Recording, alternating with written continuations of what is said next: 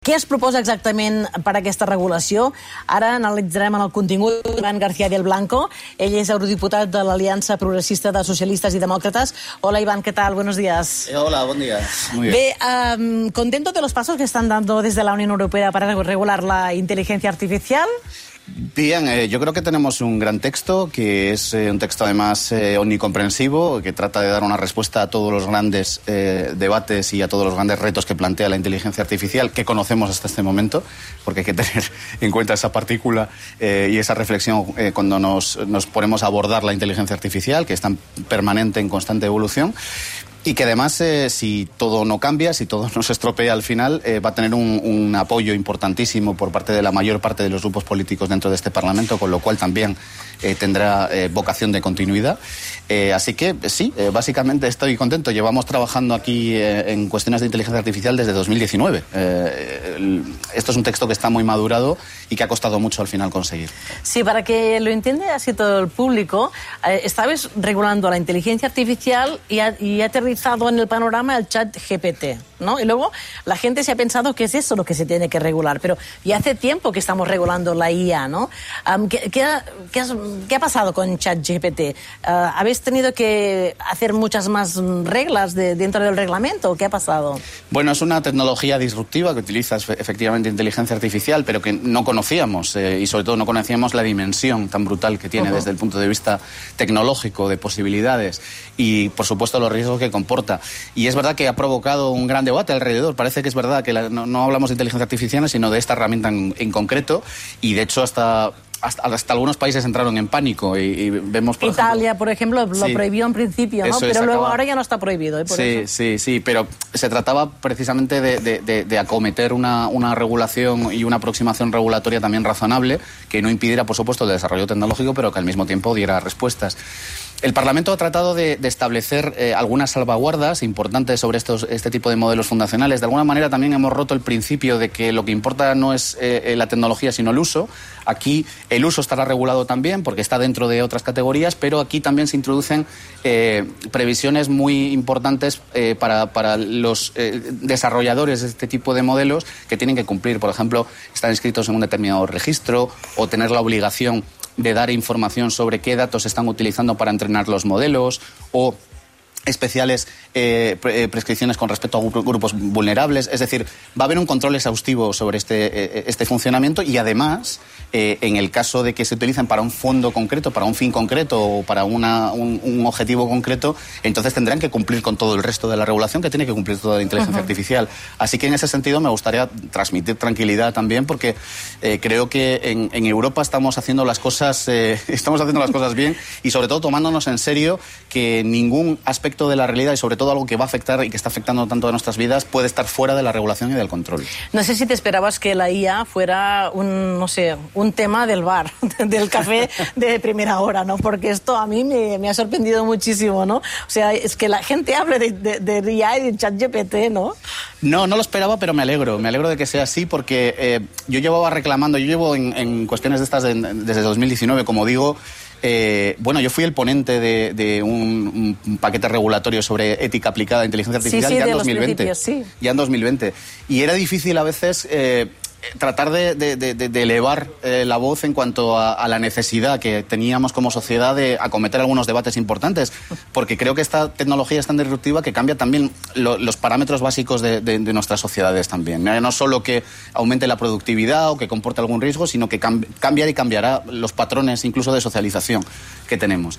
Eh, y es verdad que esto lo ha producido, antes lo, lo citabas, la irrupción del chat eh, GPT, ¿no? Eh, que, que de alguna manera se ha generalizado un debate alrededor de esas cuestiones yo creo que, como todo, con sus luces y sus sombras, ¿no? A veces fijándonos más en, en, en, los ejemplos más extremos o en las posibilidades más extremas, en el monstruo de Frankenstein que anda suelto por el pueblo, ¿no?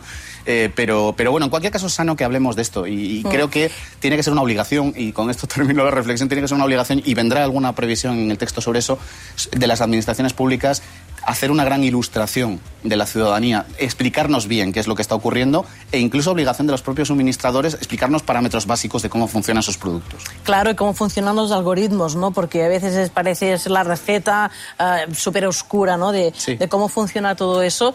Um, claro, y, y yo uh, hablábamos muchas veces de derechos digitales, pero uh, en todo eso y inteligencia artificial um, también están afectados, o sea, son los derechos humanos en el fondo, ¿no?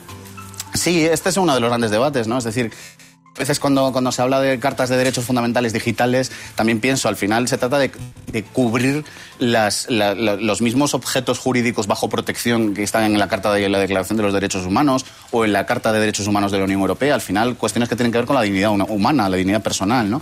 Es cierto que ante un nuevo escenario, ante un nuevo medio ambiente como es el digital, eh, la construcción de, ese, de, esa serie de derechos eh, tiene que ser un pelín diferente. Por ejemplo, si hablamos de un debate tan importante, por ejemplo, como el acceso a Internet.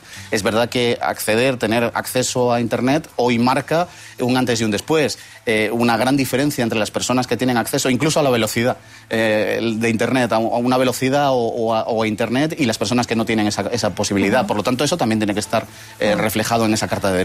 ¿No? no sé si se ha hablado alguna vez de que sea como tener agua, luz Internet, o sea, que sea un derecho sí, universal. ¿no? Sí, hay grandes debates alrededor de esto. Yo creo que ahora mismo eh, las instituciones internacionales, la propia ONU, está debatiendo textos sobre esto. Eh, la propia eh, Declaración de Derechos Digitales de España, que se aprobó hace hace algo más de un año eh, recogía un derecho de estas características. Y por qué no es decir las sociedades evolucionan las necesidades evolucionan y como digo eh, es un elemento decisivo uh -huh. en cuanto al, al, ejercicio de tus propios del resto de derechos que tienes eh, y por supuesto para el desarrollo personal y económico. Y por qué no cumplir cumplir con esto como un gran derecho también cuando hablamos de tecnología siempre hablamos de tres modelos no el libre total que es el de Estados Unidos el bueno el gubernamental o restrictivo de la China y Europa se ha especializado un poco en uh, regular los derechos para el consumidor o para, para las personas. ¿no?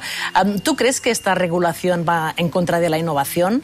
No, no lo creo en absoluto. Y de hecho, hemos, eh, eh, eh, hemos realizado un gran esfuerzo precisamente para hacer compatibles ambas cosas. Pero al final es el mismo debate en todos los ámbitos. Es decir, eh, hay quien siempre sostiene que cualquier tipo de regulación es eh, muy mala para el mercado y para el desarrollo económico. Y hay quienes sostenemos desde hace también, desde el principio de los tiempos, que una regulación adecuada de alguna manera también genera condiciones también mejores para poder desarrollarse económicamente. Y al final eh, la prueba es que el lugar más, eh, más eh, desarrollado de la Tierra, el lugar donde mejor se vive, el, el lugar donde mejor eh, y donde todo el mundo quiere vivir es la Unión Europea, es, son nuestros, nuestros países. Por lo tanto, creo que nuestro modelo es realmente el modelo de éxito, el modelo al que aspiran al final otras sociedades, mm. frente a efectivamente esa otra ter tercera opción que es un modelo de sobrecarga de, carácter estatal y de control incluso de, nuestro propio comportamiento. ¿no? Eh, yo creo que ese término medio que de alguna manera eh, civilizatorio de, defendemos los espacios democráticos liberales o de corte liberal es donde está la virtud. Y para eso necesitamos que eso, que no haya espacios de la realidad que abandonen, eh, a los que abandone el derecho, porque eso es perfectamente compatible con el desarrollo económico. Claro, en una sociedad que se informa de forma tan rápida, hemos hecho una pregunta a los oyentes, ¿no? De si querían la regulación y, bueno, 100% sí, sí, sí, sí. Hay mucho alarmismo uh, ahora mismo, ¿no? Porque es verdad que hay bastantes titulares clickbait al, alrededor de la inteligencia artificial y hay como un, miedo, ¿no?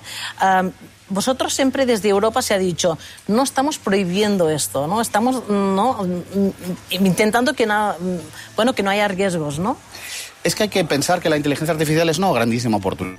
Es decir, que ya no solo que podamos aumentar el valor económico de nuestras empresas o competir en el exterior, sino que desde el punto de vista también de nuestro bienestar eh, es una gran oportunidad. Para empezar, eh, asegurándonos de que esa productividad adicional, hay quien dice que se multiplicará, por siete, la actual, eh, se, se, distribuya equitativamente entre todas las partes de la, sociedad. Y en segundo lugar, asegurándonos de que la inteligencia artificial se destine también a objetivos que no son estrictamente económicos. La lucha contra el cambio climático, la mejora de las condiciones en la salud.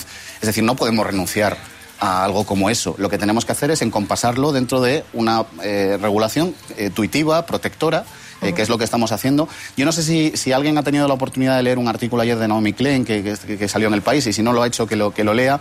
Ahí expresa varios de los miedos que están eh, adheridos ¿no? al desarrollo de la, de la inteligencia artificial masiva en este momento. Es un artículo que tiene sentido en el ámbito mundial, pero sobre todo en Estados Unidos. Y yo cuando lo leía pensaba, eh, estamos dándole respuesta a cada una de esas preguntas que está haciendo Naomi Klein, a cada uno de, esos miedos.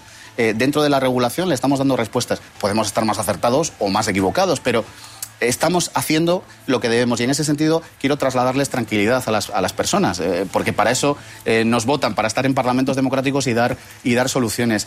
Y hay una última reflexión que también me gusta hacer cuando hablamos de esto, de la inteligencia artificial, de que va a acabar con el mundo. Mira, no, no necesitamos inteligencia artificial para acabar con nosotros mismos y hacernos la vida imposible. Y la respuesta es nuestra propia historia. Hasta con, con palos y flechas somos capaces de hacernos la vida imposible. Una de las preocupaciones es la aceleración de la innovación, ¿no?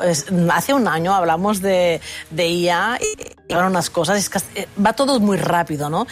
si todo va bien, este reglamento se va a aplicar en 2025. bueno, yo no puedo ni imaginarme esta IA y sobre todo esta generativa que estamos probando cada día, también la que hace, no sé, deepfakes y todo eso, es que estará muy evolucionada, ¿no? ¿Esto lo tenéis en, en cuenta en todo este proceso legislativo? Bueno, es una regulación que como propia característica intenta ser flexible, intenta ser adaptativa a nuevas realidades. Y en ese sentido yo que tengo un, background de jurista, ¿no? Yo soy eh, jurista, eh, es verdad que es que es una materia con la que nunca me había enfrentado y que, y que es relativamente novedosa, porque va un contra en principio del principio de, de, certidumbre jurídica. es decir, de que se sepa exactamente qué es lo que, lo que va a pasar cuando se aplica una determinada norma. ¿no? Pero es cierto que hemos intentado también eh, buscar ciertos equilibrios y creado también los instrumentos de carácter ejecutivo empoderados con un eh, mandato legislativo para dar respuesta a veces a cuestiones que puedan ir surgiendo durante el camino, a, nuevas, a, nuevas, a nuevos parámetros, a novedades. En ese sentido se crea, por ejemplo, la, Oficina Europea eh, de Inteligencia Artificial, se va también a empoderar a los estados nacionales para que tengan competencias también en esta materia e incluso se va a habilitar por ley a los estados nacionales que lo que tenga que ver con la mejora y protección de nuestros derechos también puedan ser más protectores si quieren. Por ejemplo, en cuestiones relacionadas con el ámbito del trabajo, en el ámbito laboral. Hay un mandato expreso, además introdujimos nosotros los socialdemócratas, eh, para que los... Eh, estados implementen eh, las condiciones que puedan ser eh, negociadas, incluso en, términos de convenio colectivo en un centro de trabajo, para que la inteligencia artificial que se aplica cumpla también con esos estándares, incluso si son más altos que los estándares europeos. Por eso yo confío en que esta regulación es para, para tiempo y en cualquier caso, si hay alguna novedad tan importante que nos obligue a volver a regular, pues para eso también están los poderes públicos, ¿no? Pues nada, muchísimas gracias. Iván García del Blanco es eurodiputado de la Alianza Progresista de Socialistas y Demócratas por todo ese trabajo y bueno, mañana estaremos también intentando explicar bien para que la gente entienda todo eso que está pasando aquí en el Parlamento Europeo. Gracias. Pues gracias, eh, un placer y muy buena tarde a.